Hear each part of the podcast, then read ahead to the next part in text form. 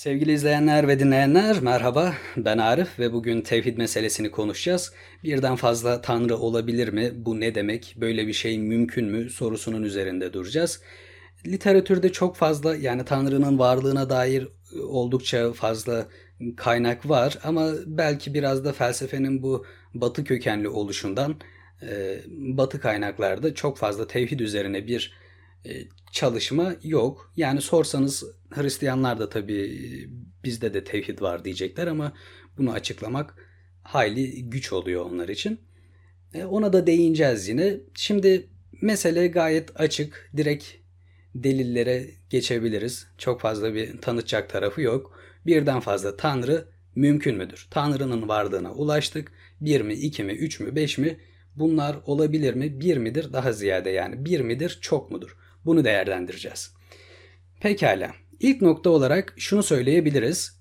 Tanrı mekandan münezzehtir. Bunu söylüyoruz ama keyfimiz mi öyle istiyor? Hayır. Mekanda var olan bir şey mekandan sonra var olmuştur.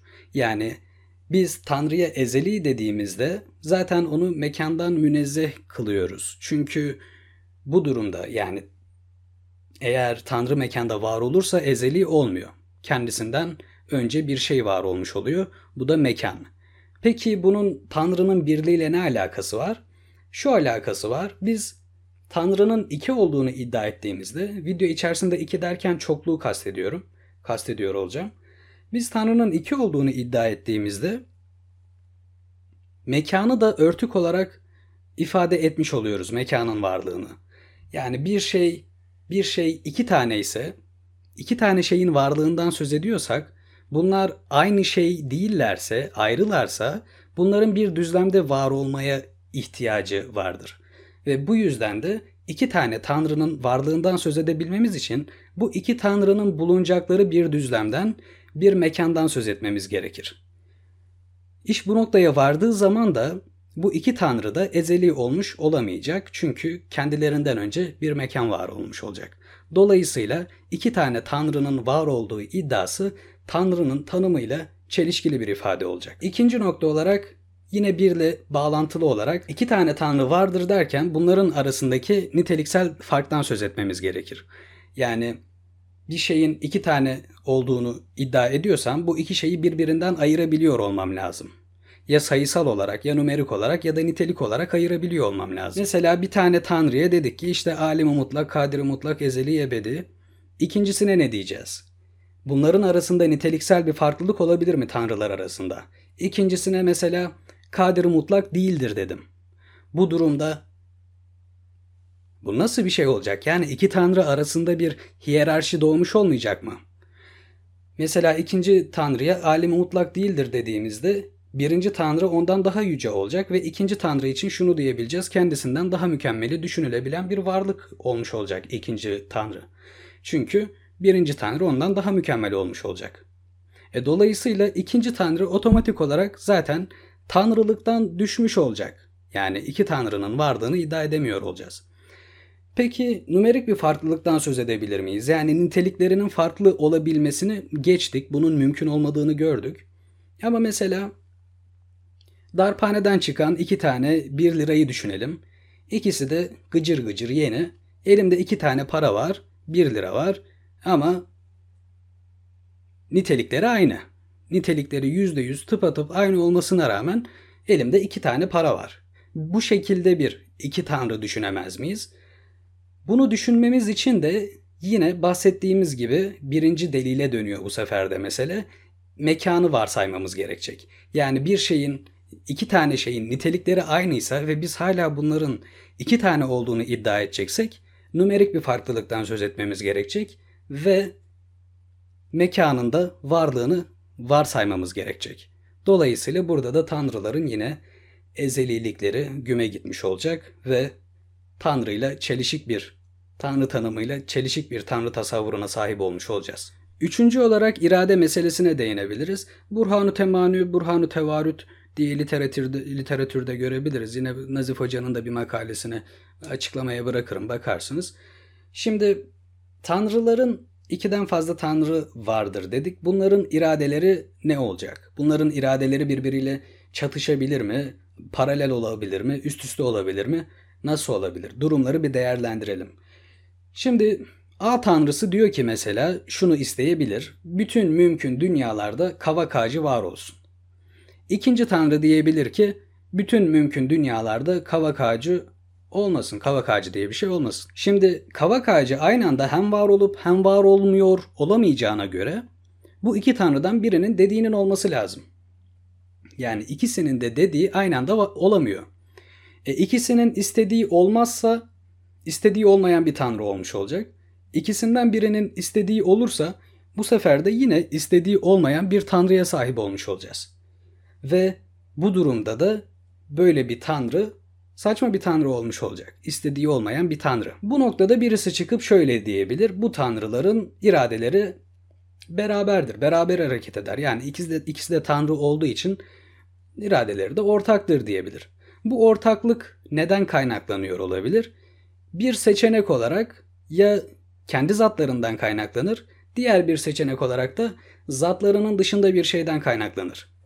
Yani ya bu iradelerin ortaklığı birbirinden habersiz bir şekilde o da öyle istemiştir. Yani ikisi de Tanrı, ikisi de mümkün dünyaların en iyisini biliyor. İkisi de bunu yaratmak istiyor. Yani ezeli olarak iradeleri bu şekilde belirlenmiştir denebilir. Ya da bu iki Tanrı aralarında uzlaşarak bir ortaklığa varabilirler. Uzlaşma meselesi Tanrı için saçma bir durum. Yine burada da eğer uzlaşma söz konusuysa tek başına bir şey isteyemiyor olma söz konusu olur. Hikmetinde eksiklik olur vesaire vesaire. Eğer ezeli olarak belirlenmişse yani kendi doğaları gereği iradeleri belirlenmiş ve bunlar birbiriyle örtüşüyorsa da bu sefer yaratmada meydan, e, problem meydana gelir. İki tanrı da bu evreni yaratmak istedi. Bunu irade etti kendi doğaları gereği istedi ama hangisi yarattı? Şu söylenebilir belki. Evrenin yarısını bir tanrı yarattı.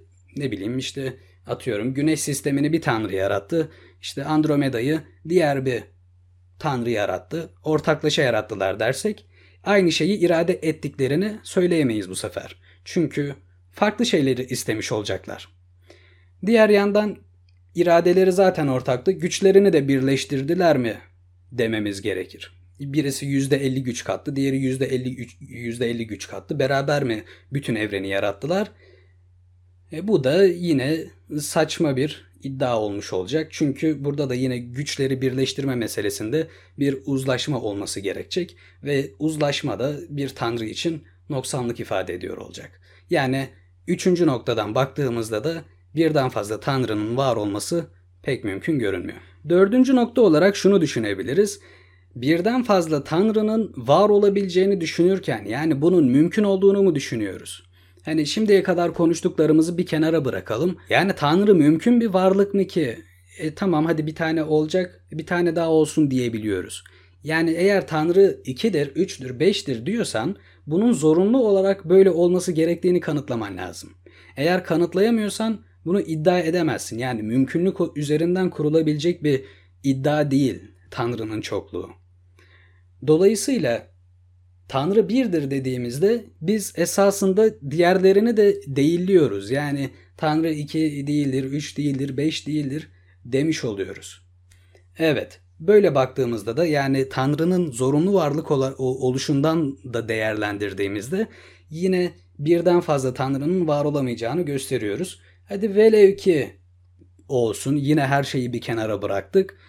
Yani birliği kırdıktan sonra 2 demişsin, 3 demişsin. Niye duraksayalım? Yani durmamızı gerektirecek bir şey var mı? 10 tane tanrı demekle 100 tane tanrı demek arasında bir fark var mı? Tanrı vardır demek arasında bir fark var mı? Yok yani işi mümkünlüğe getirdiğin zaman mümkündür niye olmasın dersen iyi 100 bin tane tanrın olsun niye olmasın yani. İş buraya geldikten sonra. Dolayısıyla bu da bizi saçma ve anlamsız bir noktaya götürdüğü için Dördüncü noktadan da Tanrı'nın birden fazla var olamayacağını, birden fazla Tanrı'nın var olamayacağını göstermiş oluyoruz. Beşinci noktada da basitlik ilkesinden söz edebiliriz. Okam'ın usturasından söz edebiliriz. Burada teleolojik argümanı anlatırken hatırlarsanız Hume bize diyordu ki mesela tamam analoji, yap analoji yapıp işte madem bir saatin ustası var o zaman evrenin de bir yaratıcısı olması lazım dediğinizde bir ust bir saatin birden fazla ustası var. O zaman bir evrenin de birden fazla yaratıcısı olması lazım dediğinde yine kısaca değinmiştik basitlik olarak. Burada biraz daha açalım. Oraya da cevap vermiş olalım. Yani teleolojik argümanla, kozmolojik argümanla bu argümanlarla ulaştığımız tanrı neden e, çok değil de bir olsun sorusuna cevap verelim. Hume'a da burada karşılık vermiş olalım. Şimdi felsefi bir erdem olarak, akli bir gereklilik olarak daha doğrusu iki açıklama varsa ortada ve bunların açıklama gücü bakımından birbirlerinden bir farkı yoksa yani şimdiye kadar söylediklerimizi yine bir kenara bırakıyoruz.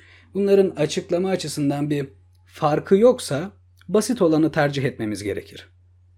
Yani iki tanrının varlığını iddia ederken ekstra olarak açıklayabildiğimiz bir şey var mı? Yani iki tanrının varlığını niye iddia edelim? Hani bir tanesinin bir şeye gücü yetmiyor da e, ikinci bir tanrı olması lazım ya gibi bir şey mi düşün, düşünüyoruz? Bu düşünceye varacak bir şey var mı? Tanrı'nın varlığını kanıtlayan delillere baktığımızda bunlardan hangisi birden fazla Tanrı'ya referansta bulunuyor, birden fazla Tanrı'nın gerekliliğini ortaya koyuyor?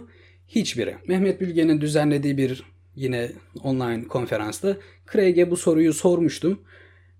O da yine kendisi bir Hristiyan olarak açıkça söylüyor ki zaten yani eğer biz bunu kullanacaksak zaten bir Tanrı'ya ulaşıyoruz. Yani kendisi de birliği yine kabul ediyor Hristiyan olarak ama işte zatında çokluğu ifade ediyor.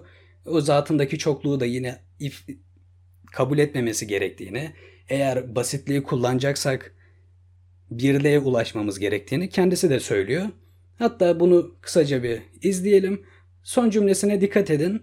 Orada meseleyi kendi de ifade ediyor. Uh, you hear me? Yeah. Yes. Right. Well, my question is, uh, you didn't mention in the video, but in your book, Five Arguments for God, you're supporting the Kalam cosmological argument with the Occam's razor. And I'm not sure that how we can use Occam's razor for this argument. I mean, simplicity can change to person that you talk and the purpose of explanation. Imagine if we all deny God, there wouldn't be theology or philosophy of religion at all. So why do we need to use Occam's razor? I think the only place that I appeal to Occam's razor in the argument is in answer to the question how do we know that there are not more than one cause of the universe, a plurality of gods? And there, I think Occam's razor is validly applied. This is a principle that says you are not justified in multiplying causes beyond necessity. You are only justified in positing such causes as are needed to explain the effect. And one cause of the universe is all you need to explain the beginning of the universe. And therefore, it would be gratuitous and unjustified to posit a plurality of such causes. That's the only place I think that I've used Occam's razor. Yeah. And that seems to me to be a very legitimate application of this explanatory guideline. Then uh, can we use the same logic for the personality of God? I mean, rather than three, isn't it more plausible to claim uh, one personality by using Occam's razor? Well, if I were arguing for a plurality of persons in God, I think you're quite right.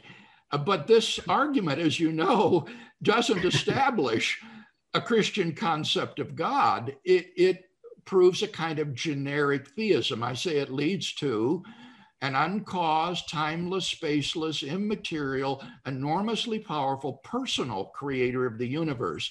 And that is a conclusion which resonates with Jews and Christians and Muslims. Uh, indeed, I find the intersectarian appeal of this argument to be one of the attractive features of the argument. So, my reasons for believing in a plurality of persons in God would be unconnected to the Kalam cosmological argument, it would have more to do with the historical Jesus and his personal claims. Thank you. Great honor to talk with you. Evet gördüğünüz gibi anlatmaya gerek yok. Yani bir Hristiyan olarak, Hristiyan bir din felsefecisi olarak gayet de takdir edilen bir insan olarak ki ben de öyle. Yani bu Tanrı inancını, teslis inancını Tanrı'nın zatındaki çokluğu akli olarak gerekçelendirmiyor. Yani teslise inanmaya çalıştıktan sonra burada Craig'den haricinde de teslise inanmaya çalıştıktan sonra belki bir noktaya kadar gerekçelendirme çabası gösterilebilir. Ama önce bunu kabul etmeniz lazım. Yani akıldan çıkan bir şey değil, akılla ulaştığınız bir şey değil. E tarihsel olarak inanabilir misiniz? Yani tarihsel bir veri hiçbir anlam ifade etmiyor mu? E, tabii ki ediyor. Ama böyle bir noktada yani Tanrı tasavvurunda bir dinin bel kemiğini oluşturan bir noktada bunun akılla doğrulanabilir, akılla ulaşılabilir bir şey olması lazım. Öyle değil mi? Yani kriterimizi burada sağlam tutmalıyız.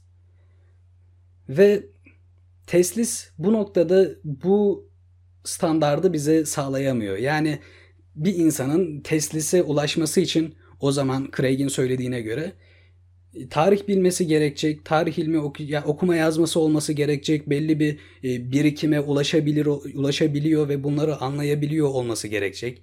Okuma yazması olması gerekecek vesaire. Yani eğer bu tarih üzerinden temellendirilecek bir şeyse Tanrı inancı, bütün kütüphaneleri yakalım, internetin fişini çekelim, teslis bitti gitti yani. Ama biz tevhidi, Tanrı'nın varlığını ve tevhidi gayet aklımızla ulaşabiliyoruz. Yani bir adanın bir adaya düşsek, bir adada doğsak, Haybin Yaksan gibi olsak yine Tanrı'nın varlığına ve birliğine ulaşabiliyoruz. Eğer Tanrı'nın yarattığı varlıklar olarak insanlarsak, bizler Tanrı'nın mahluklarıysak da zaten buna verili şartlarımızla ulaşabiliyor olmamız lazım. Tevhide de baktığımızda buna ulaşabiliyoruz. E, teslise işte vay efendim tarih olacak vesaire. Ha, tarihsel gerçekliği üzerinden temellendirilecekse bu sefer İsa'dan önce yaşamış bir insanın durumu ne olacak mesela? Yani bunu işte Hazreti Muhammed'den önce yaşayan bir insanın durumu ne olacak diye de sorabilirsiniz belki ama aynı şey değil. Aynı şey değil. Yani biz burada Hazreti İbrahim'e baktığımızda yine bir zorunlu varlık arayışı, bir birlik arayışı görüyoruz. Burada Hazreti İbrahim'in yaptığı da gayet akıl yürütmedir yani başka bir şey değil. Tevhid aklın bir gerekliliği olarak önümüzde sapasağlam duruyor. Tanrı vardır dedikten sonra bunun bir olduğunu da kabul etmemiz gerekiyor. Tanrı'nın hatta daha ziyade Tanrı'nın birden fazla olduğunu iddia ettiğimizde bizi büyük problemler bekliyor. Bu noktadan sonra artık iman bir sıçramadır da dersiniz. Ee, inanıyorum işte saçmadır o yüzden inanıyorum da diyebilirsiniz. Akılla bilemezsin gönül işidir falan filan da diyebilirsiniz. Ama sanıyorum bunun böyle olmadığını bir nebze gösterdik. Pekala o halde bugünlük de bu kadardı. Yine daha ileri olarak sormak, temellendirmek, tartışmak istediğiniz bir şeyler varsa etkileşim yollarıyla etkileşime geçebilirsiniz. Memnun olurum. Kendinize iyi bakın. Sağlıcakla.